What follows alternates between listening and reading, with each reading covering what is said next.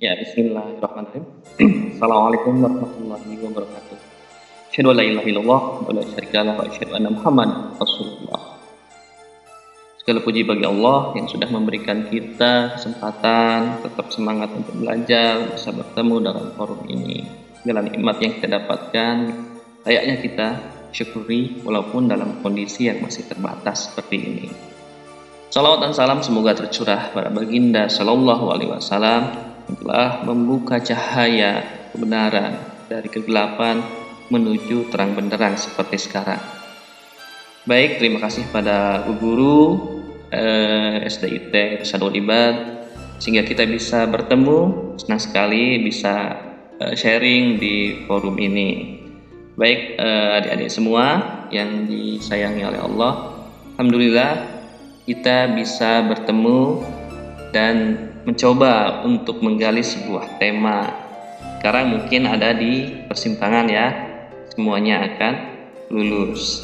Nah, sebelumnya uh, kita mulai ya. Saya akan kasih sebuah peta. Ya, Kang Ian kasih sebuah peta. Petanya boleh dilihat. Nah, peta ini adalah peta zaman dahulu banget. Nah, jika kita perhatikan, kondisi ini adalah kondisi di mana saat bumi masih muda. Karena peta ini saat Nabi Nuh hadir di muka bumi. Nah, ada yang tahu kenapa peta ini begitu luar biasa? Ya, betul. Peta ini adalah peta titik di awal peradaban seluruh manusia mulai berpencar sehingga manusia dengan segala keanekaragamannya berdiam di diri di bumi. Nah, buminya seperti apa? Buminya masih seperti sekarang, cuma hanya pembagiannya saja. Kita mengenalnya tidak seperti sekarang timur, barat dan lain sebagainya. Tapi peta saat itu adalah peta yang terbagi bagian utara yang atas ya mewakili bagian atas dan peta bagian bawah itu mewakili bagian selatan. Nah saat itu setelah tragedi banjir, nah Nabi Allah Nuh e, bertawakal ya, atas dakwah dan salahnya. Tetapi Allah menyatakan lain sehingga umatnya yang membangkang harus tenggelam dengan banjir yang luar biasa. Terbilang hanya beberapa pengikut dan keluarga Nabi Nuh yang ikut bahteranya. Nah, dari mereka lah manusia diperbarui. Peta bumi saat itu hanya terbagi dua. Peta atas mewakili utara, ulang ya, dan bagian bawah mewakili selatan. Nah, setelah badai mereda, air kembali surut dan membawa bahtera mendarat di sebuah pegunungan. Kita namakan pegunungan tersebut adalah pegunungan Ararat. Di mana posisinya? Posisinya ada di Turki sekarang ya. Jadi siapa tahu mau berangkat ke sana cari pegunungan Ararat. Di situ ada tempat berlabuhnya Bahtera Nabi Nuh. Akhirnya demi menjaga keseimbangan dan kelanjutan manusia, Nabi Allah Nuh alaihissalam membagi dan menyebar pengikut keturunannya yang ada. Nah, dibagi tiga, Sam yang pertama itu diarahkan untuk tinggal di wilayah semenanjung Arabia. Nah dari keturunannya eh, kita mengenal eh, suku-suku Arab, kaum Ad, kaum Sodom, kaum Yahudi dan lainnya. Atau mungkin kisah tentang negeri Sabah di wilayah Yaman dengan ratunya yang luar biasa sehingga ia terpesona terhadap istana Nabiullah Sulaiman alaihissalam. Nah, itu keluarga Sam. Jika kita bertanya di manakah wilayah Sem berada, maka Damaskus, Palestina, wilayah Jordan, Libanon, dan wilayah Jazirah Arab secara umum itu dinamakan wilayah Sam. Sampai seperti sekarang ini ya. Untuk bahasanya mungkin kita menggunakan bahasa wilayah Semitik ya. Mungkin adik-adik semua pernah belajar tentang sejarah dunia ya. Nah, kita tinggal sambungkan saja. Nah, keturunan yang kedua adalah Ham. Ham ini diberi jantan wilayah Afrika sekarang. Benua hitam adalah sebutan yang kita kenal ya. Karena memang klan Ham, keluarga Ham itu sebagian besar memiliki corak berambut ikal, kemudian berkulit gelap. Nah, Contohnya itu bangsa Nubia, orang-orang Habasyah ya. Kita mengenalnya salah satunya adalah eh, sahabat Rasulullah ya, Bilal bin Rabah dengan eh, kakaknya ya, Faira. Nah, itu berasal dari Habasyah. Sekarang posisinya adalah di Ethiopia. Nah, keturunan yang ketiga ya, pengikut yang ketiga itu dipimpin oleh Yafid. Nah, klan terbesar ini mewarisi bumi oleh Nabi Allah Nuh itu ke sebelah utara. Nah, maka kita mengenal klan Viking ya, kemudian eh, bangsa-bangsa Turki, bahkan Yajuj, Majuj, Aja, Yajuj dan Majuj ada di wilayah utara. Nah, ciri umumnya adalah bangsa-bangsa Eropa seperti sekarang. Itu menjadi tanda pembeda yang utama, tinggi besar ya, eh, hidungnya mancung, kulitnya putih. Nah, keturunan bangsa Yafid memiliki karakter yang sangat keras dan suka berperang dalam menyelesaikan masalah saat itu. Makanya sepanjang bumi utara dibatasi pegunungan-pegunungan tinggi. Ya, sebagai pembatas alam. Bahkan Iskandar Zulkarnain sengaja menjadikannya sebagai benteng ya untuk mengecor dengan campuran tembaga baja di antara dua gunung untuk mengurung mereka. Ya, kalau dilihat dari kondisi alamnya mungkin kita lihat uh, pegunungan Ural, pembatas Eropa dan Asia, kemudian pegunungan Kaukasus, pegunungan Balkan. Nah, nah itu menjadi pembatas. Nah, dari sanalah peradaban manusia bermula. Nah, sekarang kita paham kenapa manusia itu mulai ke timur karena memang terus menyebar untuk menutupi untuk berdiam diri di bumi ini. Ya itu sebagai yang pertama. Nah di gambar yang kedua mari kita lihat. Ya di situ ada e, lini masa. Nah lini masa ini kenapa sebuah bangsa menjadi e, tinggi peradabannya? Ya tinggi peradabannya. Oke kita lanjutkan ya sebentar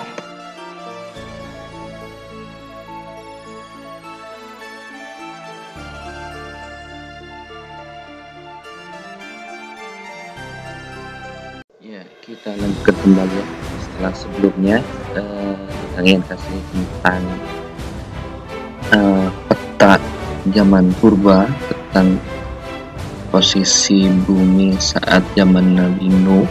Nah sekarang ini ada sebuah cuplikan lini masa atau milestone. Uh, mungkin ini akan mengingat kembali sejarah peradaban Islam atau sejarah kebudayaan Islam yang sudah dipelajari adik-adik tersayang ini merupakan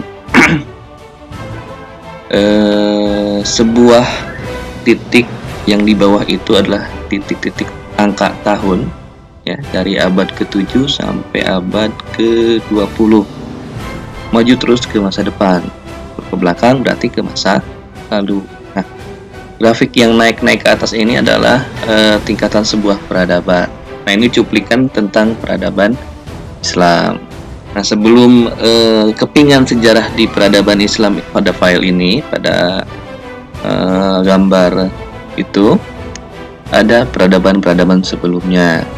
Nah, ternyata semua peradaban itu bermula dari sebuah konsep yang bernama ilmu.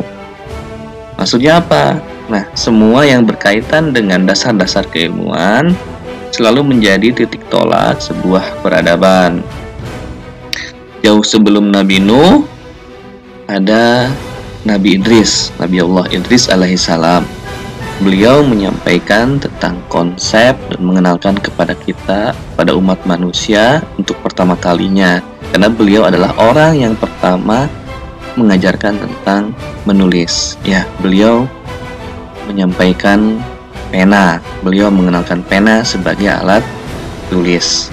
Nah, selanjutnya di masa-masa berikutnya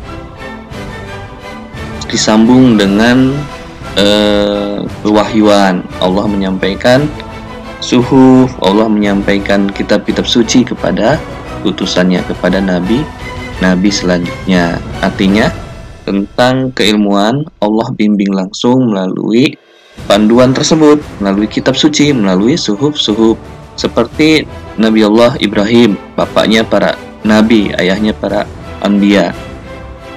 beliau dibimbing langsung oleh Allah melalui suhu. Bahkan menjadi titik peradaban manusia membangun sebuah tempat ibadah tertua di bumi. Ya, kita mengenalnya Ka'bah. Ka'bah zaman dulu, zaman Nabi Ibrahim, nggak seperti Ka'bah zaman sekarang. Dulu bentuknya seperti balok. Kalau kita lihat sekarang Ka'bah yang ada di Mekah, eh, ada yang terpotong kan ya. Nah, sebenarnya itu bagian dari Ka'bah. Walaupun sekarang bentuknya seperti kubus ya. Nah, Nabi Idris, Nabi Ibrahim, dan selanjutnya. Nah, ada peradaban sebelum Islam, ada namanya peradaban Mesir, peradaban Sumeria, Babilonia, dan lain sebagainya. Nah, Babilonia itu zamannya Nabi Ibrahim. Nah, ada sebuah peradaban yang begitu luar biasa yang memberikan kontribusi terhadap ilmu pengetahuan terhadap dunia. Salah satunya adalah peradaban Yunani. Nah, mungkin kita mengenal para tokoh-tokohnya mereka disebut dengan ahli filsuf, ahli filsafat, atau juga ahli-ahli dalam bidang tata kenegaraan dan hukum.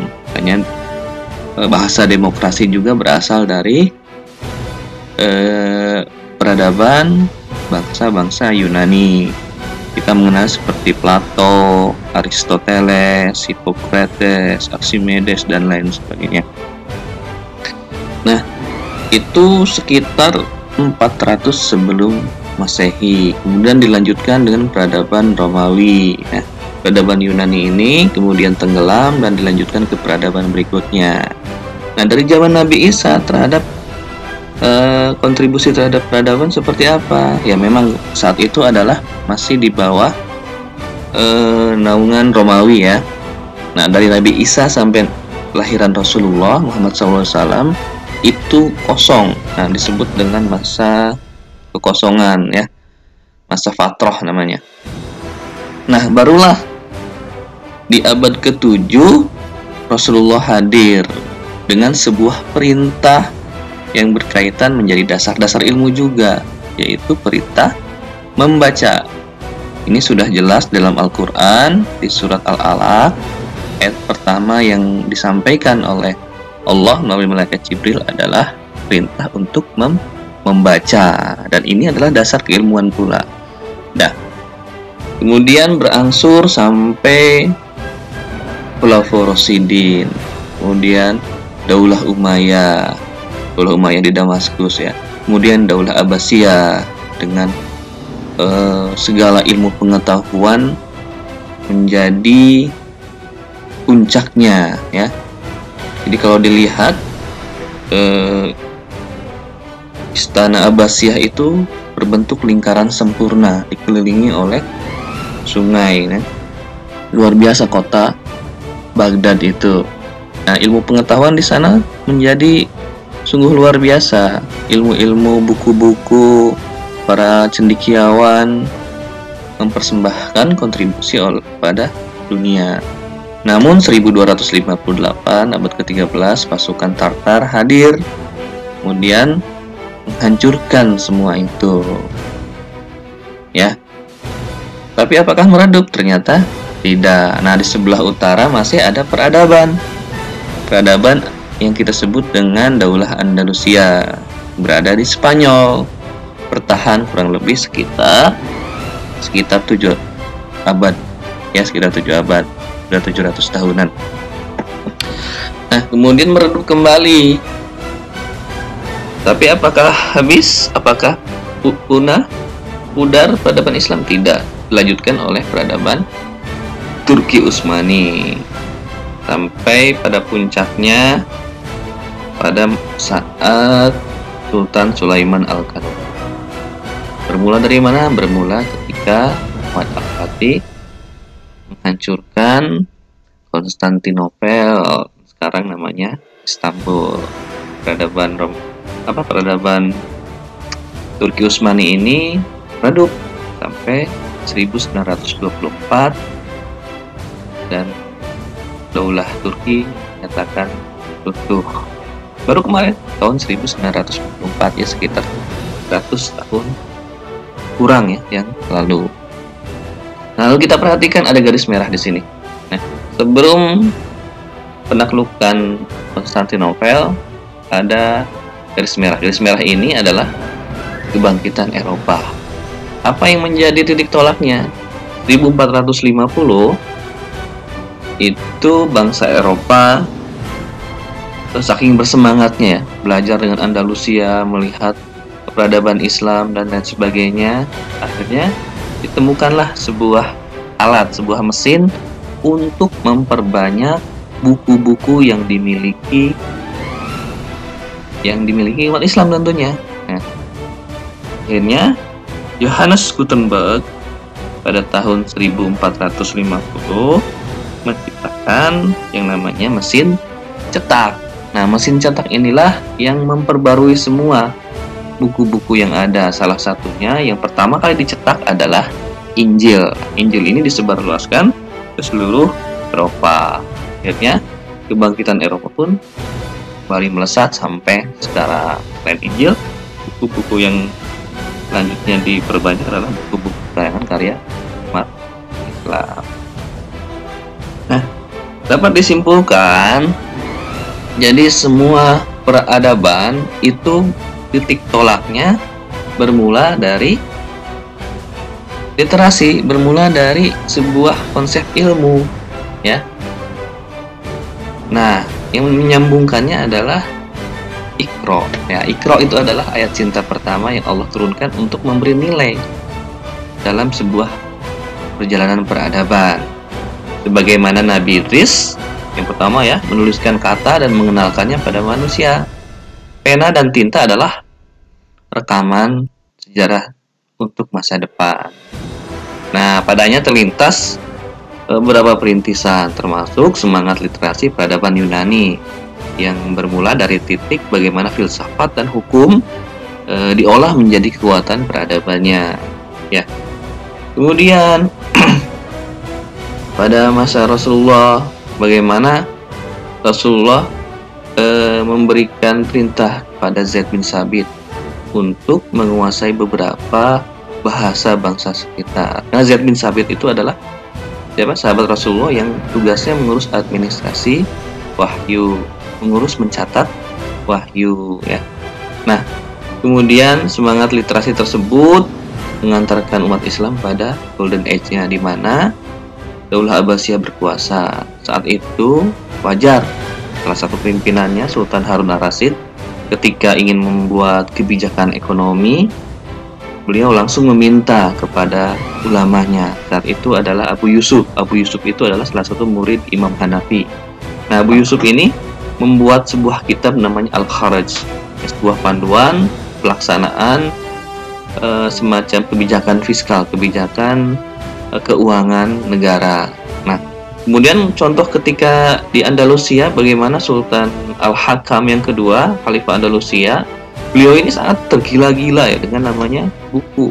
Nah sengaja ia merintahkan uh, para penggawanya, para apa bawahannya sengaja untuk berburu buku baru, berburu kitab baru. Ada yang disuruh ke Alexandria, ya Mesir, ada yang berangkat ke Irak, ke Baghdad, ada yang berangkat ke Syria atau wilayah Islam lainnya. Makanya 400 eh, ribu jenis buku di perpustakaan Cordova di Andalusia itu selalu terisi terus penuh karena memang Al-Hakam itu sangat peduli terhadap namanya pendidikan terhadap buku-buku sehingga ia banyak sekali membangun madrasah juga eh, kepemimpinannya mempengaruhi kebijakan dan putusannya sangat luar biasa eh, memihak terhadap pendidikan begitu juga contoh di Kesultanan uh, Turki ya. Kalau uh, kita berangkat ke sebuah masjid ada namanya Masjid uh, Al-Fatih Cami ya. Muhammad Al-Fatih sengaja membangun perpustakaan dan madrasah di sekeliling masjidnya. Ya, ada pesan seakan ia memberikan uh, apa namanya menyampaikan kepada uh, umat bukan masjid saja yang aku wariskan katanya, tapi ilmu dan pembelajaran. Nah, titik yang selanjutnya, rangkuman selanjutnya adalah ketika Yohanes Gutenberg menyalakan literasi dengan memperbanyak Injil dan kitab-kitab lainnya seluruh Nova. Semua karena membaca, ya. Karena seorang pembelajar tidak lepas dari nilai ini. Dapat kita pahami membaca, ya, pena, menuliskannya, semangat belajar itu adalah fondasi-fondasi dalam menyongsong peradaban. Jadi kita sebagai siswa, sebagai pembelajar harus memahami ini karena itu adalah hakikat ilmu. Ilmu menjadi kuncinya. Dan peradaban asal katanya kan adab. Nah, adab ini menjadi bingkainya, menjadi atapnya. Jadi, ilmu, adab dan peradaban, pengetahuan itu menjadi satu kelindan, satu eh, apa namanya? satu kesatuan. Nah, jika kita lihat lagi, ini kita ngomongin sejarah lagi ya. Indonesia. Nah, jika Ibnu Khaldun menyampaikan setiap 700 tahun akan muncul peradaban. Peradaban baru, peradaban baru. Kita lihat ya. Eh, zaman Rasulullah, peradaban Islam di abad ke-7 tahun ke-610 ya. Sampai titiknya di Golden Age itu tahun 1200 itu 7 abad. Ya. Lihat Andalusia. Andalusia itu tahun 700 sampai 1492 itu juga 7 abad. Ya Turki Utsmani ya kita lihat 1200-an ya. 1200-an sampai 1924 7 abad 700 tahun. Nah kita lihat Indonesia. Indonesia abad ke-7 itu kita Nusantara itu kita memiliki Sriwijaya. Kemudian abad ke-14 ya 7 tahun 7 abad juga ya. Abad ke lompatan 7 abad. Abad ke-14 kita Nusantara memiliki Majapahit yang menyatukan Nusantara bahkan Asia Tenggara atau lebih bahkan. Ya. Nah lompatan berikutnya adalah abad 21 nah abad 21 itu sekarang apakah kita siap untuk eh, memiliki menguasai peradaban kembali. Karena kalau lihat peradaban Islam semua bangsa-bangsa eh, Muslim itu sudah dikasih amanah sama Allah. Tinggal kita apakah bangsa Nusantara bangsa Indonesia bangsa Melayu ini akan diserahkan amanah tersebut untuk memimpin sebuah peradaban? Karena semua bersinggungan sama di titik sama di abad ke-21 akankah peradaban Islam dan peradaban Indonesia seiring sejalan akan naik kembali untuk menguasai di panggung dunia dengan segala kontribusi ilmu pengetahuannya. Allah alam tapi satu sisi 2022 ya sampai 2025 Indonesia itu memiliki bonus demografi. Artinya apa? Banyak usia-usia produktif pada saat tersebut. 2025 2023 itu tinggal beberapa tahun lagi ya mungkin adik-adik sudah menginjak SMA ya menginjak perguruan tinggi sudah dipersiapkan ya. Walaupun mungkin masih terlihat yang 2020 atau 2025 atau 5 tahun ke depan udah SMA jadi udah masa kepemimpinan. Usia-usia adik usia-usia uh, generasi muda sekarang lah yang nanti akan memimpin Indonesia. Nah ini semoga ya harapan bahwa Indonesia akan memberikan kontribusi peradaban terhadap dunia. Baik, itu dulu saja. Ini file yang kedua. Ya, file tentang bagaimana hakikat ilmu, adab dan peradaban itu sangat saling mempengaruhi. Oke, tetap semangat. Kita lanjutkan ke file selanjutnya ya. Terima kasih.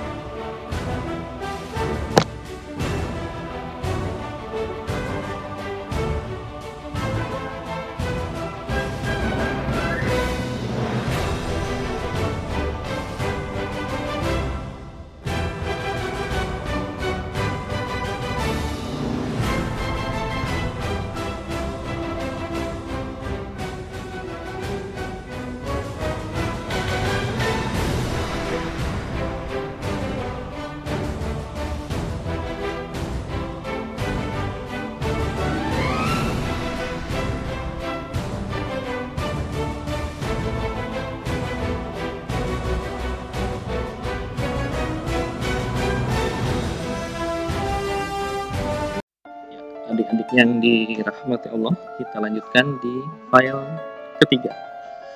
Nah, eh, di video tersebut sudah disampaikan bahwa ada yang namanya konsep diri. Bagaimana sebuah bangsa bisa berubah.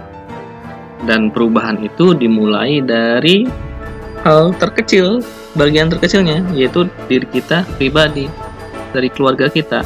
Nah, eh, satu hal yang menjadi titiknya adalah masalah konsep diri. Nah, dengan kesadaran yang ada, apa yang harus kita lakukan jika memang benar-benar menjadi seorang pembelajar? Bagaimana menjadi pribadi yang penuh semangat pribadi pembelajar? Nah, yang pertama harus kita lakukan adalah berniat, ya, niat yang utama itu akan membangun kesadaran untuk apa kita ke sekolah untuk apa kita belajar ya kadang kita terpikir waduh ini besok ujian lagi. Ujian hari ulangan harian. Ujian tengah semester. Ujian semester dan terus ujian-ujian. Seakan-akan kapan sih terakhir ujian? Padahal ujian tersebut adalah untuk mengevaluasi kita. Sejauh mana pemahaman kita terhadap pelajaran yang kita dapatkan. Nah, niat ini menjadi sebuah dasar. Yang disampaikan dalam video tersebut adalah bagaimana kelahiran seorang anak itu sebenarnya fitrah. Nah, apa yang disampaikan oleh David Hume tentang kertas polos tadi, sebenarnya Rasulullah sudah jauh-jauh hari 14 abad yang silam sudah menyampaikan dalam sebuah hadisnya bahwa uh, setiap yang terlahir itu fitrah dan itu tergantung orang tuanya akan memberikan seperti apa? Mau majusi mau nasrani atau tetap dalam fitrah yaitu tetap dalam Islam. Nah hadis ini memang uh, sangat populer di telinga kita. Dan semoga hadirnya kita di sekolah uh, berjuangnya kita belajar itu menjadi sebuah uh, nuansa warna memberikan pemahaman terhadap ilmu yang kita miliki.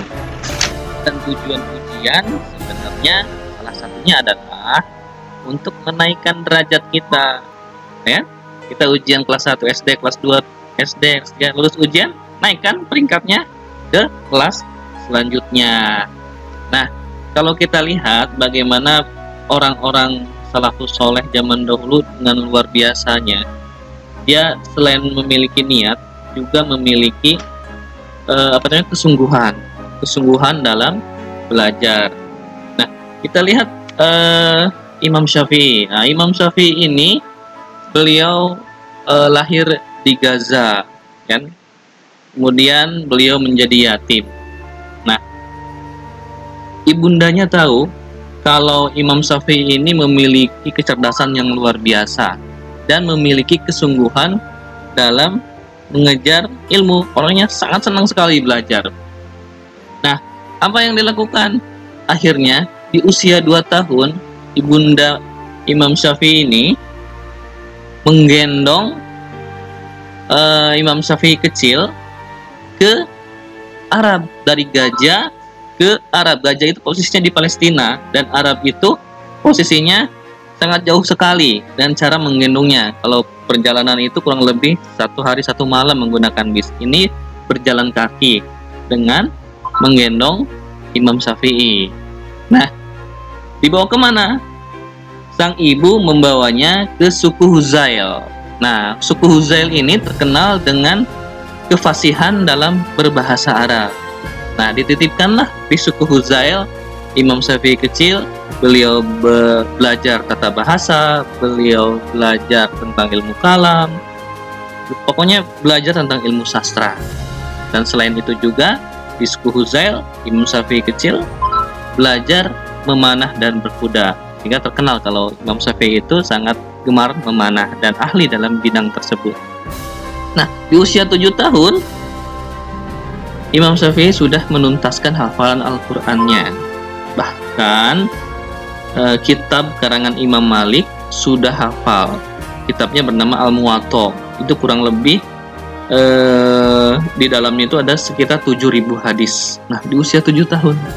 Nah, akhirnya selanjutnya ibunda membawa Imam Syafi'i ke Mekah. Nah, di sana dia belajar dengan guru-gurunya yang lain. Salah satunya adalah Kodi di Mekah. Di usia 15 tahun, Kodinya itu gurunya sudah bisa memberikan Imam Syafi'i kewenangan untuk mengeluarkan fatwa. Nah, itu luar biasa ya. Nah, selanjutnya apa kesungguhan Imam Syafi'i? Nah, kesungguhan dalam belajarnya itu beliau eh, saking kuatnya hafalan, saking kuatnya belajar, tapi dia nggak lupa untuk menuliskannya. Nah, ketika yang lain menuliskannya di dalam kertas, karena Imam Syafi'i kondisinya dalam kekurangan, maka dia mengumpulkan tulang-tulang dan menuliskan apa yang ia hafal dan ia pahami ke tulang tersebut. Ke tulangnya habis diputar hingga di rumahnya itu ada sebuah wadah besar, sebuah tempayan, gentong besar. Jika tulisannya sudah penuh dalam tulang, tulang tersebut disimpan di dalam gentong. Nah, ini pelajaran buat kita. Jadi fasilitas eh, yang kita miliki sekarang, media, media, kertas, pena dan lain sebagainya sudah kita miliki. Nah, pada saat Imam Syafi'i hadir, saat itu saat belajar saat itu ya dengan apa adanya bisa memaksimalkan memaksimalkan pembelajaran. Artinya tekad yang kuat itu namanya himmah. Nah, himmah. Nah, dilanjutkanlah karena memang haus akan ilmu, salah satu mimpinya itu beliau ingin belajar kepada Imam Malik. Nah, Imam Malik ini ada di Madinah. Nah, berkat bantuan ibunya lagi, akhirnya diberangkatkanlah uh, Imam Syafi'i ke Madinah. Nah, di saat di Madinah, tempat kajian Imam Malik bertanya ke sana kemari, ternyata kajian Imam Malik itu dibukanya besok. Akhirnya Imam Syafi'i menunggu di depan pintu rumah Imam Malik. Nah, akhirnya semalaman dia menunggu di depan rumah itu. Suatu ketika Imam Malik bertanya pada e, pembantunya, coba cek di depan. Ada orang, ada seseorang yang sedang menunggu. Nah, dibukakanlah pintu. Ya, siapa engkau? Kata Imam Syafi'i, saya Muhammad bin Idris ada keperluan apa? Saya ingin belajar dan bertemu dengan Imam Malik. Akhirnya penjaga tersebut ya kembali ke menghadap Imam Malik. Wahai Imam, di depan ada seorang yang bernama Muhammad bin Idris. Dia ingin belajar denganmu. Dia ingin menimba ilmu dengan dirimu wahai Syekh. Nah, sampaikan padanya kata Imam Malik. Sampaikan padanya, silahkan baca dulu, kaji dulu Al-Muwatta. Baik, nah, akhirnya kembali ke depan. Wahai tamu, wahai anak muda, kata Imam Malik, silahkan Anda kaji dulu Al-Muwatta. Jika sudah selesai, boleh menghadap beliau. Nah, apa kata Imam Syafi'i? Ya kata Imam Syafi'i, Al-Muwatta sudah ada di kepalaku dan di benakku. Nah, sampai saat itulah akhirnya Imam Syafi'i diterima menjadi muridnya Imam Malik. Jadi, ini sebuah pelajaran penting bagi kita. Jadi, kalau kita mau e, belajar, pelajari dulu buku pelajaran sang guru. Nah, baru menghadap gurunya. Nah, misalnya mau belajar dengan Budanik. Nah, pelajari dulu tuh ilmu matematikanya yang dipelajari oleh Budanik. Kalau misalnya Budanik ngajar matematika. Nah, setelah paham ilmu matematik silakan menghadap guru yang bersangkutan. Nah, luar biasa ya. Nah, kita lanjutkan. Jadi eh, Imam Malik ketika sudah bertemu dengan eh, muridnya, beliau menyampaikan, kata Imam Malik, aku melihat cahaya di hatimu. Kelak kau akan menjadi orang besar dengan cahaya itu jangan kau padamkan cahaya Allah dengan bermaksiat kepadanya. Nah, luar biasa pesan gurunya ya, pesan guru Imam Syafi'i. Jadi ketika kita belajar, jangan sampai pula kita bermaksiat pada Allah. Kenapa? Karena cahaya Allah akan redup oleh maksiat. Nah, biarkan cahaya Allah itu tetap dalam jiwa kita selama kita memang benar-benar menuntut ilmu. Karena yang datangnya ilmu itu memang dari Allah dan itu adalah cahaya yang akan menerangi kita. Nah, kembali ke bab niat. Bab niat ini memang bab dasar karena dalam hadis arba'in pun bab niat menjadi bab uh, apa? Hadis pertama kan. Barang siapa semua amalan itu tergantung niatnya. Inama amalu biniat walikul imri'in manawa. Baik kita kuatkan niat kita. Nah, selanjutnya kesungguhan itulah yang akan mendampingi niat kita sehingga kita bisa berproses. Nah, baik uh, adik-adik tersayang, uh, ada kisah selanjutnya tentang sebuah uh, kesungguhan. Ya, dikisahkan ini masih dari kelahirannya tempat kelahirannya Imam Syafi'i ya sih di daerah Palestina daerah Gaza. Nah ada seorang guru teladan yang bernama Abdullah Al Azam. Ia sangat dihormati dan disegani tentu saja oleh para murid-muridnya. Nah suatu saat beliau ditanya oleh muridnya, ya Syekh apa yang dimaksud dengan mas tum Nah, sang guru pun tersenyum. Nah, semua murid-murid ia bawa ke sebuah lapangan yang luas, tempat biasa bermain dan berolahraga. Akhirnya, guru tersebut meminta semua muridnya, kita berlari dengan sekuat tenaga untuk mengelilingi lapangan ini. Nah, akhirnya satu keliling, dua keliling, tiga keliling, sepuluh keliling dengan kecepatan dengan sekuat tenaga. Semua murid dan gurunya sendiri terus berlari. Akhirnya satu persatu mereka terengah kelelahan.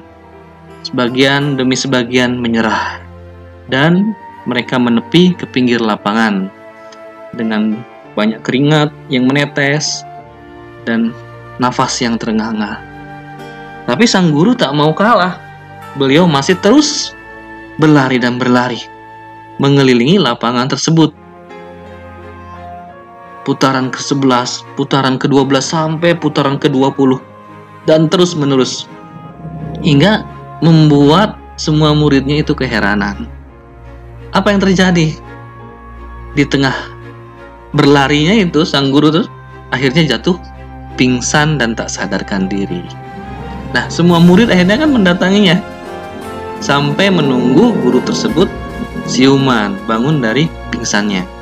Nah, muridnya bertanya, Wahai Syekh, apa yang hendak kau ajarkan kepada kami? Sambil tersenyum, guru tersebut menyampaikan, Wahai murid-muridku, inilah jawaban yang engkau tanyakan tadi. Inilah yang dinamakan dengan Mas Tatoktu. Di mana saat kita berusaha semaksimal mungkin dengan tenaga yang kita miliki, sampai Allah sendiri yang menghentikan perjuangan kita. Itulah jawaban Syekh yang memberikan inspirasi buat murid-muridnya.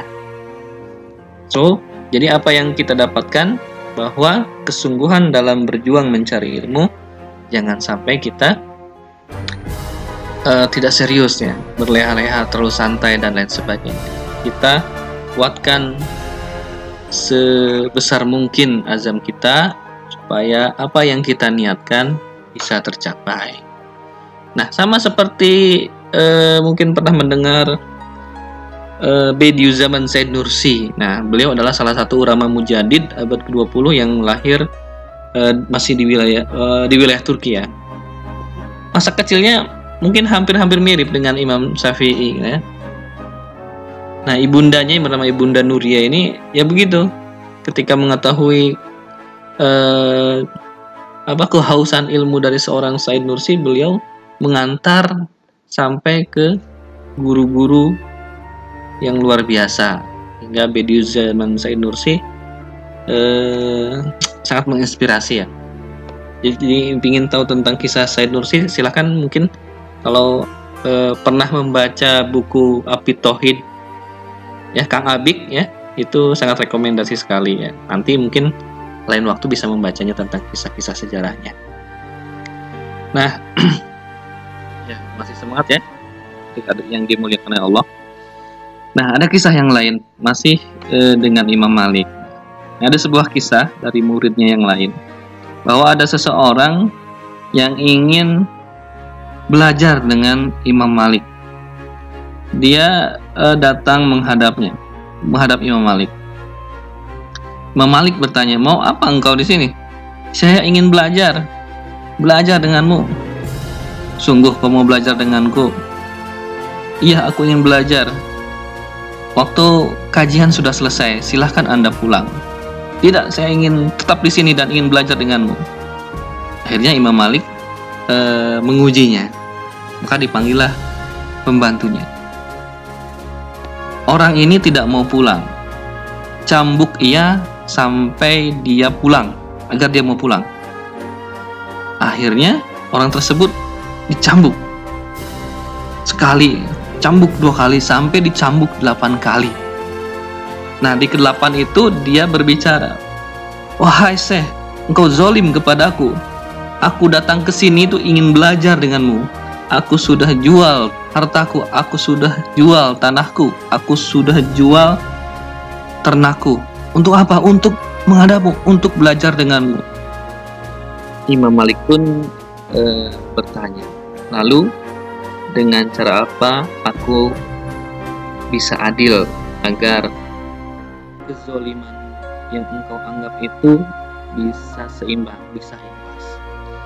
Lalu pemuda itu meminta kepada Imam Malik agar seimbang dan setiap cambukan ini engkau harus ganti dengan satu hadis.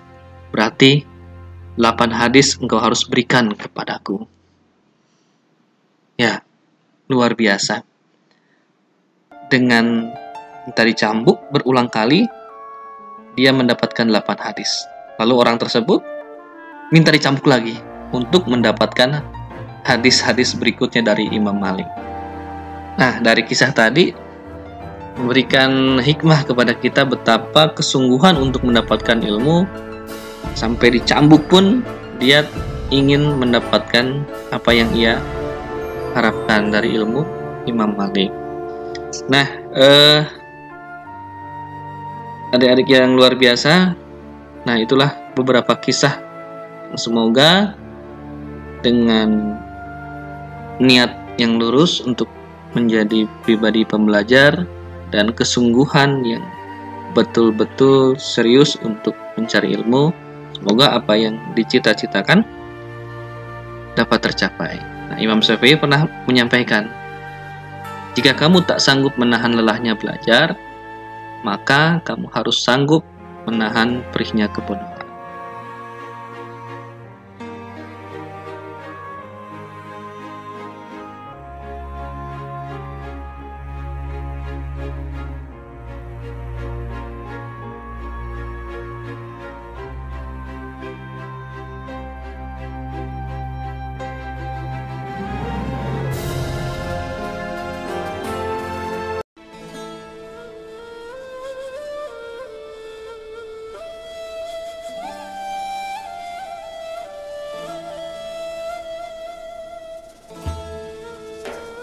Adik-adik yang tetap bersemangat dan selalu disayangi oleh Allah Subhanahu wa taala. Waduh, mungkin ada yang berpikir, ini materinya kok berat ya? Saya harap ini nggak berat, karena ini bagian dari eh, sejarah kita, bagian dari peradaban kita.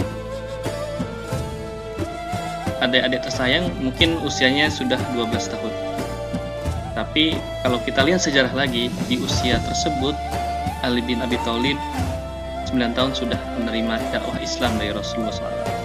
Sa'ad bin Abi Waqqas ya, sudah menerima dakwah Islam dan empat di antara as-sabiqun al-awalun adalah usia 9 sampai 12 tahun. Luar biasa. Dari sanalah kita belajar hal-hal yang sepertinya mustahil dan saya yakin di adik-adik lah kepemimpinan ke depan bangsa ini akan dipegang insya Allah baik adik-adik yang dirahmati Allah. Memang pada dasarnya belajar sejarah itu adalah sesuatu yang uh, mungkin uh, sedikit uh, membingungkan beban apa harus menghafal tanggal peristiwa dan lain sebagainya. Tapi Teguh Umar sudah menyampaikan beliau adalah pahlawan kita dari Aceh. Beliau menyampaikan sebelum syahidnya ketika bergerak menuju Melabuh nah sebelum berangkat beliau menyampaikan kepada masyarakat wahai masyarakatku tetap pegang teguh keimanan dan keislaman dalam dada-dada kita dada-dada anak kita ya. Sampaikan ke mereka sampaikan ke anak-anak kita kisah-kisah yang luar biasa sejarah sirah nabawiyah kisah sahabat. Karena apa? Karena jangan sampai anak-anak kita lemah jadikan anak-anak kita seorang yang pemberani yang bisa memimpin dan bisa belajar dari hikmah dan pelajaran tersebut. Luar biasa itu kata Teguh Umar. Oke kita lanjut lagi ya. Baik uh, adik-adik tersayang di file yang sudah saya sampaikan itu ada sebuah apa mind mapping ya tentang bagaimana kita terus belajar bersemangat dalam mencari keilmuan. Di situ ada iman, ada adab, ada ilmu, kemudian ada amal. Tapi harus kita perhatikan setelah proses kita dengan mantap tentang keimanan kita artinya sudah dipelajari tentang dasar-dasar agama kita ya, rukun iman rukun Islam ya masalah tauhidullah masa syahadat kita sudah tuntas sudah selesai maka yang selanjutnya adalah adab nah adab ini adalah salah satu akhlak yang membingkai sebelum kita berproses dalam mencari ilmu. Ya adab dulu baru ilmu. Ini bingkainya akan terus seperti ini terus terusannya uh, siklusnya seperti ini. Nah setelah kita memiliki ilmu maka kita akan beramal sesuai dengan ilmu yang kita miliki. Jadi saya ulangi yang pertama adalah iman. Kemudian adab. Kemudian ilmu dan baru amal nah ini menjadi bingkai dalam menggapai semua cita-cita kita semua mimpi-mimpi kita. Nah adik-adik tersayang kita lanjutkan. Sebagai e, pembelajar sejati tidaknya kita memiliki visi kita memiliki mimpi. Albert Einstein menyampaikan visi itu lebih penting dari pengetahuan. Wah visi lebih penting dari pengetahuan. Kenapa? Kalau orang sudah memiliki visi berarti jiwa kepemimpinannya sudah mulai terasah. Apa yang akan dilakukan di masa depan? Apa yang akan diraih di masa depan? Kita lihat ketika Rasulullah hijrah dari Mekah ke Madinah ya, ketika sampai saat itu Madinah belum disebutkan sebagai Madinah sebagai kota Madinah al Munawwarah tetapi Madinah itu baru disampaikan ketika Rasulullah hijrah ke Madinah jadi Madinah itu dulunya namanya bukan Madinah tapi Yasrib Yasrib ini diganti oleh Rasulullah menjadi Madinatul Munawwarah kota cahaya ini adalah penerapan visi yang diafirmasikan oleh Rasulullah untuk seluruh masyarakat Madinah. Wah, apa ini artinya? Kota cahaya. Ya, dari nama tersebut masuk ke hati relung benak masyarakat Madinah bahwa kota tersebut harus menghasilkan kontribusi cahaya kepada rahmatan lil alamin dan itu terbukti. Madinah menjadi kota yang luar biasa yang memberikan kontribusi pada peradaban Islam. Bukan hanya pada saat itu, tapi sampai sekarang. 1400 tahun yang silam, Madinah sudah diafirmasi oleh Rasulullah. Nah, begitu juga eh, apa ketika Turki Ottoman dari zaman Ertugrul kemudian ke Osman mendirikan eh, apa namanya Turki Ottoman, kemudian ke Orhan, sampai ke Muhammad Al-Fatih. Apa memiliki visinya Pak? Visinya itu sudah disampaikan oleh Rasulullah. Maka Konstantinopel itu akan ditaklukkan oleh sebaik-baiknya pemimpin dan sebaik-baiknya pasukan. Nah itu menjadi visi orang-orang Turki Ottoman dari bangsa Kai saat itu suku Kai untuk membuktikan apa yang disampaikan oleh Rasulullah ya dari mereka kita belajar betapa visi mampu diberikan ke setiap generasinya. Jadi dari tahun sekitar 1200 Konstantinopel itu baru ditaklukkan 1453. Jadi kurang lebih sekitar 2 sampai 2 abad setengah kita belajar mengemban misi pada generasi yang luar biasa ini. Dan satu lagi, mereka selalu kepemimpinannya itu didampingi oleh seorang ulama, seorang guru ya. El Tugul itu didampingi oleh uh, Syekh Ibnu Arabi ya. Kemudian Osman sendiri didampingi oleh Syekh Aid Bali. Bahkan bapaknya sendiri Atudul menyampaikan kepada Osman, "Jangan sekali-kali kau menyakiti gurumu. Kau berkata kasar kepada gurumu." Jika seperti itu sampai bilang Atudul itu eh, apa ya namanya ya? Tidak diakui sebagai keturunannya kalau engkau tidak menghargai gurunya sampai seperti itu adabnya luar biasa makanya sampai Muhammad Al-Fatih pun didampingi oleh Syekh A'ak Samsudin beliau masih jalurnya masih ke jalur uh, Abu Bakar As-Siddiq. Nah itu berarti ada adab terhadap orang tua ada adab terhadap guru dalam berilmu. Ya kita belajar juga dengan para sahabat. Betapa mereka haus akan ilmu dan tentu saja dengan adabnya. Para sahabat santun kepada Rasulullah yang senantiasa mengajarkan di masjidnya. Mereka melingkar. Pada setiap majelisnya mereka hormat, petunduk takjim. Ya. Makanya kalau kita apa mendapatkan riwayat gambaran wajah mulia Rasulullah, eh, rata-rata kita dapatkan dari keluarga dan sahabat-sahabat sahabat kecilnya Rasulullah SAW. Nah, mungkin dilihat, mungkin bisa juga membaca kitabnya Syama'il ya tentang bagaimana wajah Rasulullah, bagaimana sikap Rasulullah, bagaimana cara berjalan Rasulullah dan lain sebagainya. Nah, memiliki guru dan terus berguru adalah tentu saja jalan pembelajar, jalan cahaya. Berbaris duduk, tafakur dalam majelis ilmu, atau melingkar menelaah cahayanya, ayat-ayatnya, Al-Quran, hadis, dan semua ilmu-ilmu Allah. Hanya uh, Ibnu Athaillah itu menyampaikan pada guru yang sebenarnya berilmu, engkau akan dapatkan, engkau akan reguk adab yang tak disediakan oleh buku-buku. Masya Allah. Jadi guru itu akan memberikan adab akan memberikan akhlak, akan memberikan ilmu-ilmu al akhlak ya. Jadi nggak disampaikan dalam buku-buku, tapi melalui bahasanya, melalui bicaranya, melalui keteladanannya. Masya Allah. Kemudian dalam kitab atau buku Ta'alim karya Imam Al-Jarnusi, buku ini masih ada sekarang, banyak di pasaran. Beliau menyampaikan sesungguhnya penuntut ilmu tidak akan memperoleh kesuksesan ilmu dan tiada mendapatkan manfaat atasnya kecuali mengagungkan ilmu dan para ahli ilmu mengagungkan guru dan menghormatinya. Maka kita harus juga melihat kondisi sekarang. Banyak-banyak sarjana ya kan? Mereka bingung melangkah mereka bingung mencari keputusan mau ke mana bingung ke sana bingung kemari ya.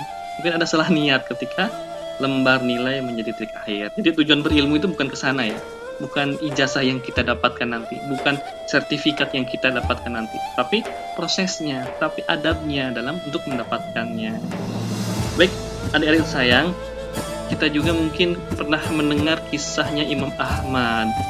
Beliau itu suka berkeliling mencari ilmu dari kota Islam dari kota yang satu kota yang lain.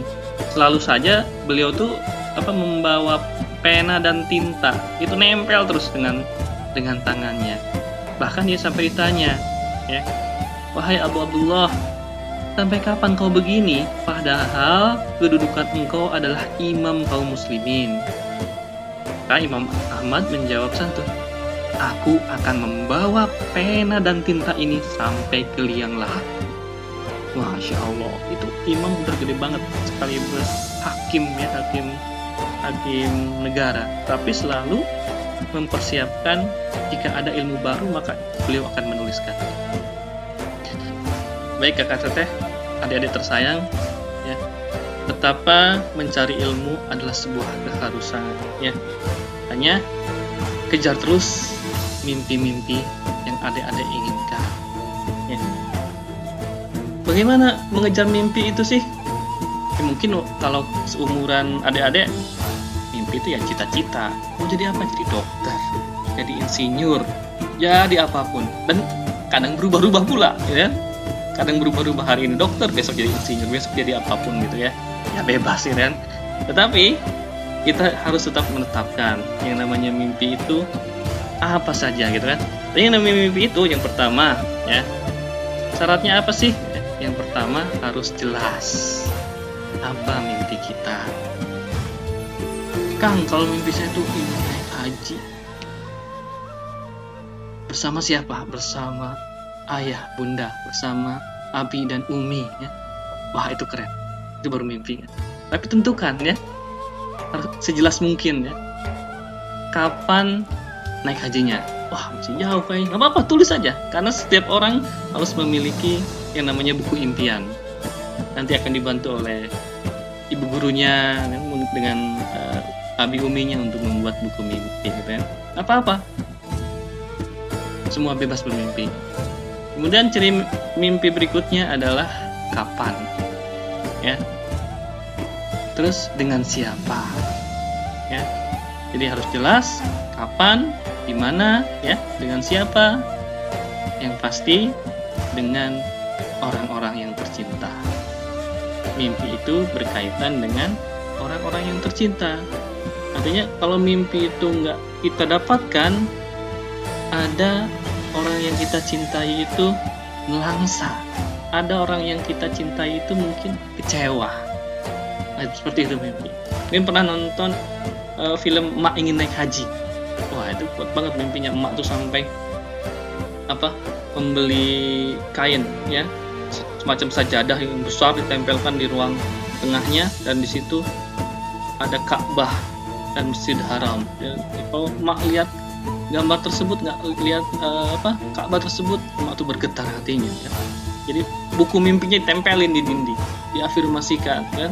Kemudian masa pengen labaik Allahumma labaik labaik la syarika laka labaik mak luar biasa mengafirmasikan setiap hari berdoa sama Allah ya Allah kapan saya naik haji dan ternyata emak naik haji banyak kisah-kisah yang orang naik haji ternyata dari kalangan menengah bahkan banyak dari kalangan bawah jika itu salah satu mimpinya afirmasikan kan afirmasinya seperti apa ditegaskan itu kan itu merupakan bahasa penegasan.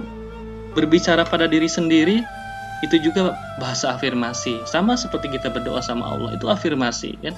Jadi afirmasi itu menarik hal-hal yang berkaitan dengan mimpi kita. Ya, jika ingin naik haji, ambil gambarnya, sampaikan apa keinginan kita pada Allah, insya Allah Allah kabulkan. Allah akan berikan itu semua. Tentu saja dengan orang-orang yang kita cintai. Itu salah satu contoh aja bagaimana kita meraih mimpi-mimpi kita ya. Jelas, tentuin waktunya dengan siapa, di mana ya. Maka wujudkan dalam bentuk buku impian ataupun dalam bentuk lainnya. Dan jangan lupa diafirmasikan, minta sama Allah untuk dikabulkan apa yang kita mimpikan. Baik adik-adik yang dirahmati Allah, apalagi yang kita harus lakukan untuk mengejar apa yang kita inginkan. Dalam berproses, dalam berusaha, kita harus dalam kondisi senang, bahagia, ya.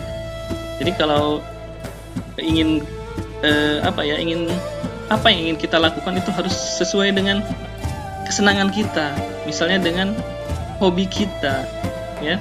Passion kita apa gitu kan? Apa ya kalau kita menikmati itu kita tuh happy gitu. Kita kalau kita melakukan itu kita tuh apa tenang bahagia gitu kan ada orang passionnya itu merangkai bunga nah, bagaimana cara merangkai bunga ya nah itu dibuat sedemikian rupa gitu kan disenangi mencari ilmunya bahkan mengambil jurusan khusus mungkin jurusan merangkai bunga. Kalau uh, orang senengnya belajar tentang uh, sejarah gitu maka akan mengambil buku-buku sejarah gitu kan, menyampaikan tentang sejarah. Jadi happy ngambil jurusan pun nanti ketika kuliah ya ambil ya sejarah. Ada orang senangnya itu main bola gitu kan? Main futsal gitu kan? Silakan kejar itu mimpinya di eh, kampus Jakarta itu ada jurusan olahraga. Silakan masuk ke sana. Jadi apa yang kita lakukan itu sesuai dengan passion kita sesuai dengan bakat kita sesuai dengan hobi kita. Kan kita udah tahu nih diri kita hobinya di mana. Dalemi itu ya. Ambil ilmu-ilmu yang belum dapatkan untuk mempertajam hobi kita. Sampai hobi kita bernilai. Sambil kita mengejar ilmu sambil kita belajar sambil kita meneruskan pelajaran-pelajaran di tingkatan berikutnya. Nah, adik-adik tersayang, yang selanjutnya adalah eh, pastikan diri kita memiliki kebiasaan-kebiasaan yang baik, kebiasaan-kebiasaan yang buruk tinggalkan, ya. kebiasaan-kebiasaan yang sifatnya kurang berfaedah tinggalkan cari kebiasaan-kebiasaan yang bisa mengupgrade diri kita yang bisa menambah wawasan kita. Carilah eh, teman-teman yang mendukung itu. Tanyakan kepada orang tua apa yang harus dilakukan? Jangan diem aja sampaikan ke ayah sampaikan ke ibu ibu aku tuh senangnya ini apa yang harus saya lakukan? Insya Allah bapak sama ibu ayah sama bunda kalian tuh kasih kamu tuh begini. Sering-sering ngobrol sama mereka karena ayah dan bunda kita adalah sahabat kita juga. Apalagi anda sudah adik-adik sudah masuk usia balik ya harus terbuka dengan orang tua setuju ya setuju Nah, adik-adik tersayang, ada pujangga Inggris loh, hanya lupa sih namanya siapa itu. Beliau menyampaikan, mula-mula kita membentuk kebiasaan kita. Lama kelamaan, kebiasaan kitalah yang membentuk kita. Begitu. Jadi apa yang kita lakukan setiap hari itu menjadi kebiasaan. Apa yang kita dapatkan dari ilmu yang kita dapatkan itu menjadi diamalkan dan itu menjadi kebiasaan. Jika itu baik maka baik pula apa yang kita lakukan, apa yang kita uh, amalkan. Nah oleh karena itu kebiasaan itu menjadi bagian dari keseharian kita. Tentu saja kebiasaan yang baik ya. Uh, kebiasaan itu bisa masuk ke alam bawah sadar kita. Nah, sebagai contoh, ketika kita bangun tidur, kaki mana yang akan turun duluan? Itu diperintahin nggak sama kiri Enggak kan? Itu terjadi secara otomatis, metik gitu ya, langsung turun. Ketika kita pakai baju ya, tiba-tiba eh, tangan kanan kita ternyata masuk duluan. Nah itu metik gitu, itu menjadi otomatis. Ketika kita makan Bismillahirrahmanirrahim ya. Jadi itu udah masuk ke alam bawah sadar kita. Nah seperti itu kebiasaan bermula dari ilmu lalu kita amalkan secara terus menerus. Nah adik-adik tersayang, eh, memang ada beberapa kebiasaan eh, yang bisa membuat kita eh, lebih bermakna.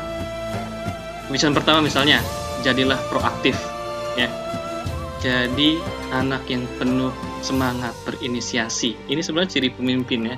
Ketika melihat uh, sesuatu yang dianggap kurang pas, kita langsung memperbaikinya. Kita melihat sampah di kelas, kita ambil sampah, masukin ke tempat sampah. Itu inisiatif, ini proaktif. Ketika kita bingung, lalu kita bertanya. Nah itu proaktif, itu inisiasi ya. Jadi ketika teman-teman ribut di kelas, kita maju ke depan teman-teman yang ribut, ya itu inisiasi, itu praktik dan itu menjadi kebiasaan seorang pemimpin. Nah, jika ada masalah, sampaikan, minta sama ayah bunda, bunda aku ada masalah, gimana sebaiknya? Proaktif. Begitu juga bundanya, ayahnya, oh, ayah bundanya sekarang dengerin juga. Uh, anak-anaknya ditanya, bagi, jangan bagaimana pelajaran hari ini? pasti jawabannya biasa aja gitu. Tapi tanyalah secara detail ya e, tanyalah secara lebih mendalam ya. Jadi jawabannya jangan e, ngambang begitu saja anaknya. Karena kalau kita ditanya bagaimana hari ini? Ya pasti jawabannya ya, biasa aja gitu. tapi tanyalah lebih mendalam dan lebih spesifik. Karena itu adalah salah satu bentuk perhatian juga ya. Kemudian kebiasaan yang lain. Tetap bersemangat dengan mimpi-mimpi kita. Karena apa? Karena jika kita sudah memiliki visi misi dalam hidup ya maka kita akan lebih mudah untuk mengambil langkahnya. Ya, tentu saja ini akan mempermudah dalam mencapai impian. Kebiasaan yang lain apalagi ya? Di buku Seven Habits itu bagus, bisa dibaca. Salah satunya itu eh, dahulukan yang utama, buatlah prioritas, susunlah prioritas. Kira-kira mana yang paling penting? Jika sudah selesai pekerjaan itu, maka beralihlah ke pekerjaan yang lain. Sesungguhnya setiap pekerjaan itu nggak ada yang sulit. Allah sudah menyampaikan innamal usri yusra. Fa innamal usri yusra. Sampai dua kali Allah memotivasi kita. Ya, setiap persoalan pasti ada solusinya. Dan setiap ada masalah, setiap ada persoalan pasti ada solusinya. Itu kata Allah. Jadi kita harus tetap semangat. Biarkan kita beral tuh ya. Allah yang akan menilainya dan Allah yang akan memberikan jalan dan solusinya. Kemudian eh, kebiasaan yang lain contohnya apa ya berusaha memahami terlebih dahulu. Jadi ketika kita belajar usahakan kita paham dulu. Jangan sampai eh, terkadang gitu ya kita baca satu buku, ini apa yang saya baca ya? Kok nggak nyambung gitu? Dua halaman masih belum connect juga apa yang saya baca. Jadi inti dari ilmu adalah pemahaman. Pahami apa yang kita baca, pahami yang apa yang guru sampaikan, pahami pahami dan pahami. Setelah itu ambil hikmahnya, ambil uh, intisarinya. Ternyata itu loh gitu ya. Kalau sudah dapat klik benang merahnya, maka di situlah ada yang namanya hikmah. Kebiasaan yang lain. Mewujudkan sinergi ya. Bekerja sama untuk mencapai hasil yang lebih baik. Kita dengan kawan-kawan kita, kita dengan sahabat-sahabat kita bersinergi ya. Untuk berorganisasi untuk mengambil sebuah solusi. Jangan kita single fighter ya, jangan kita hanya sendiri saja. Bisa, kita harus hidup itu memang harus bersosialisasi. Walaupun sekarang mungkin dalam kondisi terbatas, tapi kita bisa tetap komunikasi via online. Seperti ini juga kan online ya. Makanya uh, ilmu pengetahuan ke depan harus dikuasai khususnya di bidang IT ya. tetap bersemangat ilmunya harus dalam koridor positif ya karena kalau kita tidak dalam kondisi kebaikan intinya ya kalau kita tidak dalam kondisi kebaikan maka kita dalam kondisi maksiat itu pesan guru saya dulu jadi kalau kita tidak melakukan kebaikan detik itu maka kita dalam kondisi maksiat Hal bagi pencari ilmu, maksiat akan menghilangkan ilmu-ilmu yang kita pahami, masya Allah. Nah, selanjutnya upgrade terus, ya asah terus. Selama lockdown ini, dua bulan, tiga bulan ini, berapa buku yang kita baca? Selama ini berapa kajian online yang kita lewati? Selama tiga bulan ini apa yang materi yang kita dapatkan? Upgrade diri apa yang kita eh, naikkan wawasan apa yang ditambahkan jadi jangan sampai dalam kondisi terbatas seperti ini kita ya jadi biasa aja malas-malasan dan sebagainya tidak ya ilmu bisa datang dari mana saja karena segala keterbatasan pasti akan muncul kemudahan baik adik-adik tersayang mungkin itu saja yang saya sampaikan di sesi berikutnya kita akan menulis. Oleh karena itu, tinta dan kertasnya kita siapkan. Oke, lanjut ke sesi berikutnya ya.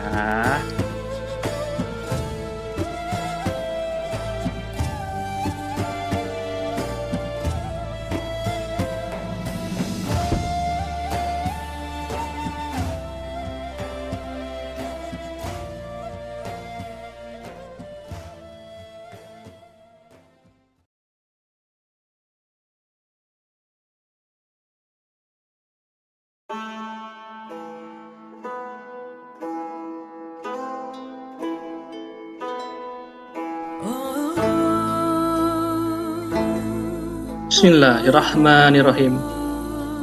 Mengeja kisah Bunda Hajar. tatkala bersama Ismail kecil. Berat sungguh Nabi Allah Ibrahim alaihissalam. Betapa pilu ditinggal suami di sebuah lembah cekung panas tandus bergurun. Tersadar itu perintah Allah subhanahu wa ta'ala. Bergegas Bunda Hajar memberi semangat. Menyuruh pergi sang suami. Demi Allah ya Khalil Allah, tinggalkan segera kami berdua. Demi Allah, tinggalkan kami berdua. Ibu mana yang tak sedih melihat buah hatinya menangis berontak kehausan. Tak pernah tahu jika di tanah itu muncul peradaban mula mulia.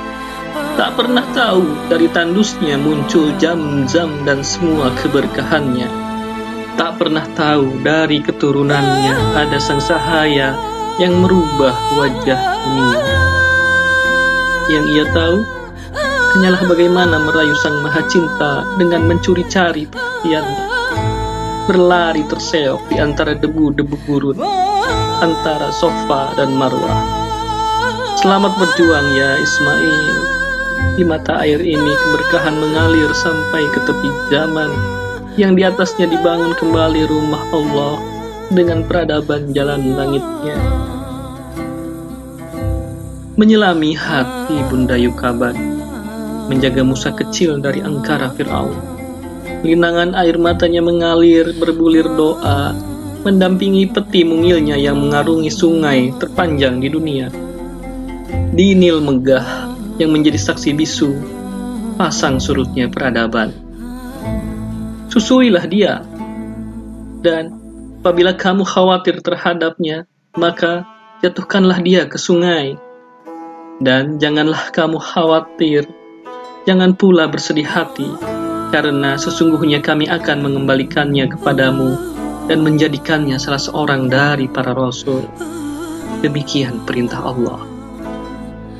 Selamat jalan Musa, engkau milik Allah, dan dialah yang menjagamu. Merasakan risau Bunda Asia, bahagia berbalut cemas ketika menjaga membesarkan Musa. Walaupun tidak mengandungnya, ia tahu rasanya menjadi seorang ibu. Ridho dalam ketauhidan, melihat Masyitoh dan anaknya syahid dalam panas di lagam murka Fir'aun yang menggelegap. Pasrah setelah tawakal menerima himpit batu besar dan ia terputus sekinar dan kuat. Selamat tinggal Musa, engkau adalah utusan risalahnya. Sampaikan kebenaran dari Allah untuk ayahmu melihat sisi tabah Bunda Maryam, menjaga kesuciannya dengan menjaga titipan suci dari Maha Suci dalam rahimnya, menjaga ifah dari gempuran beribu panah fitnah, sedih tak terperi, luka di atas luka, tapi tak melebihi rasa cintanya yang semakin bercahaya. Selamat datang wahai Isa ibnu Maryam, jadilah cahaya di titik fatroh menjadi hulu antara masamu dan di hilir kotamu Nabi Sallallahu Alaihi Wasallam. Sampaikan kebenaran dari Rabbmu. Ya landa mereka bermuara dan disempurnakan di 571 Masehi.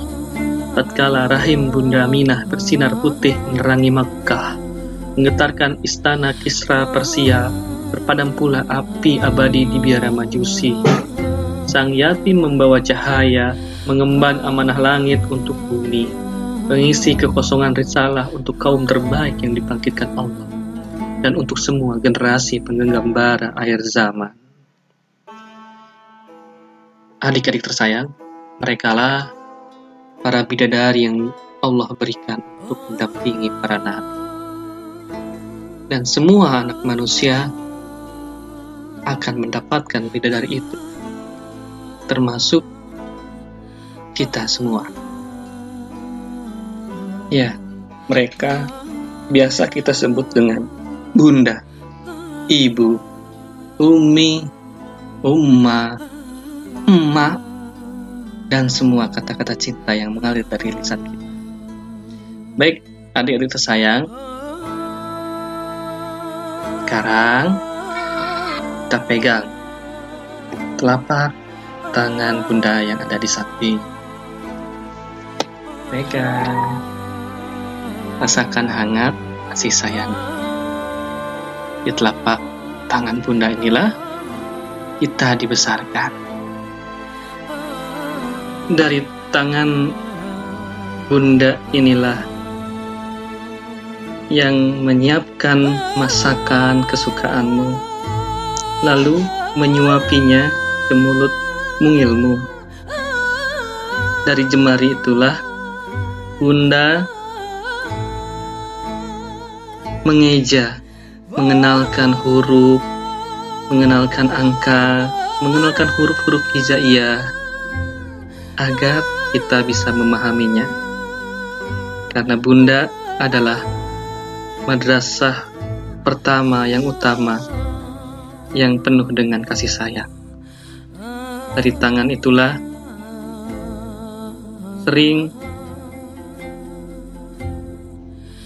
dibersihkannya badan kita, dimandikannya tubuh kita sampai bersih. Kan dibersihkannya pula kotoran-kotoran kita. Bunda nggak pernah jijik. Karena apa? Karena bunda sayang dengan kita. Genggam terus erat jemarinya. Rasakan hangatnya. Betapa bunda menyayangimu. Bunda adalah bukti cinta pertama buat kita. Bunda adalah segalanya. Ya, masih pegang erat tangan bundanya.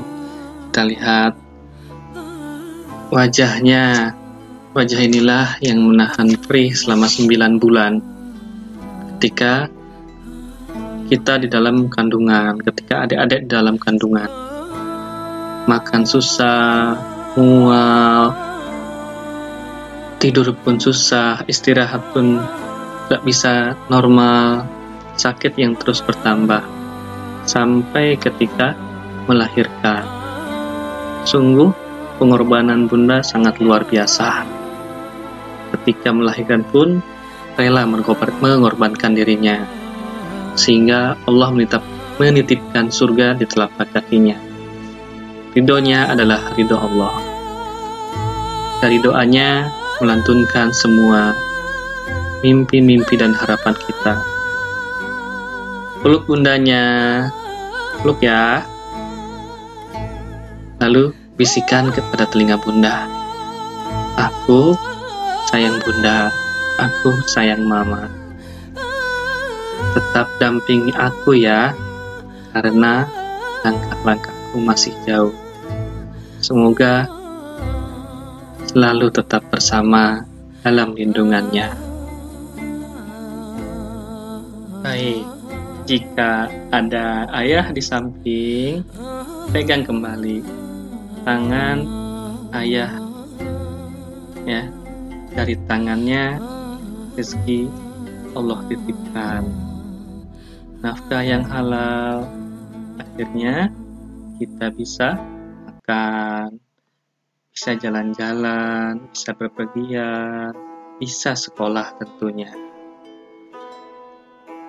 Peluk ayahnya, eh, dari bau keringat ayah yang membasahi wangi parfumnya, kita dapat merasakan apa ayah adalah seorang pejuang untuk keluarga.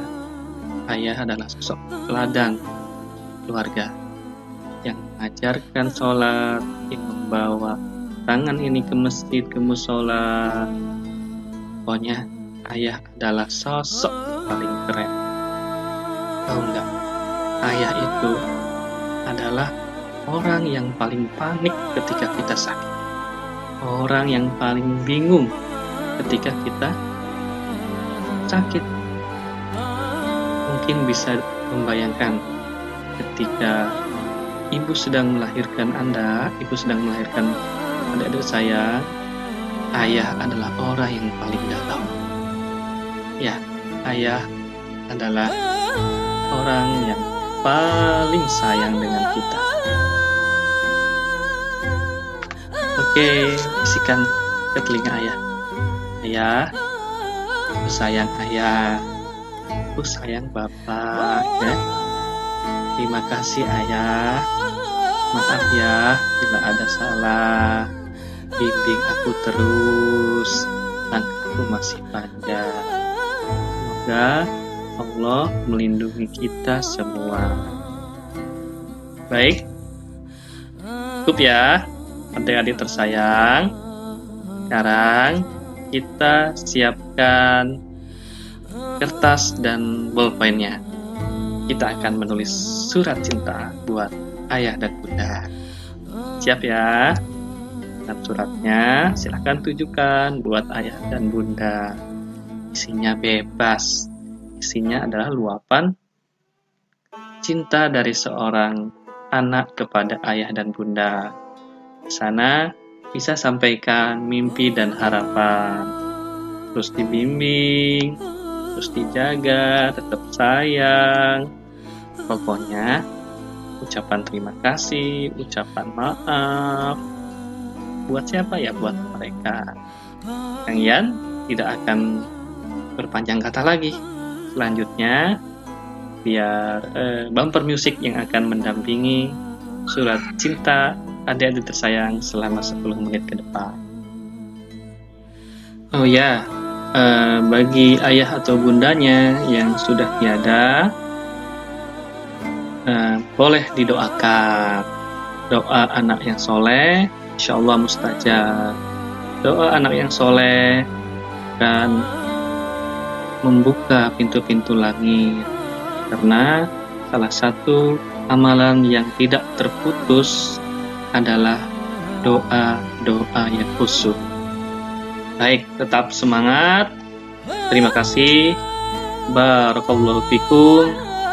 Selamat melanjutkan surat cinta.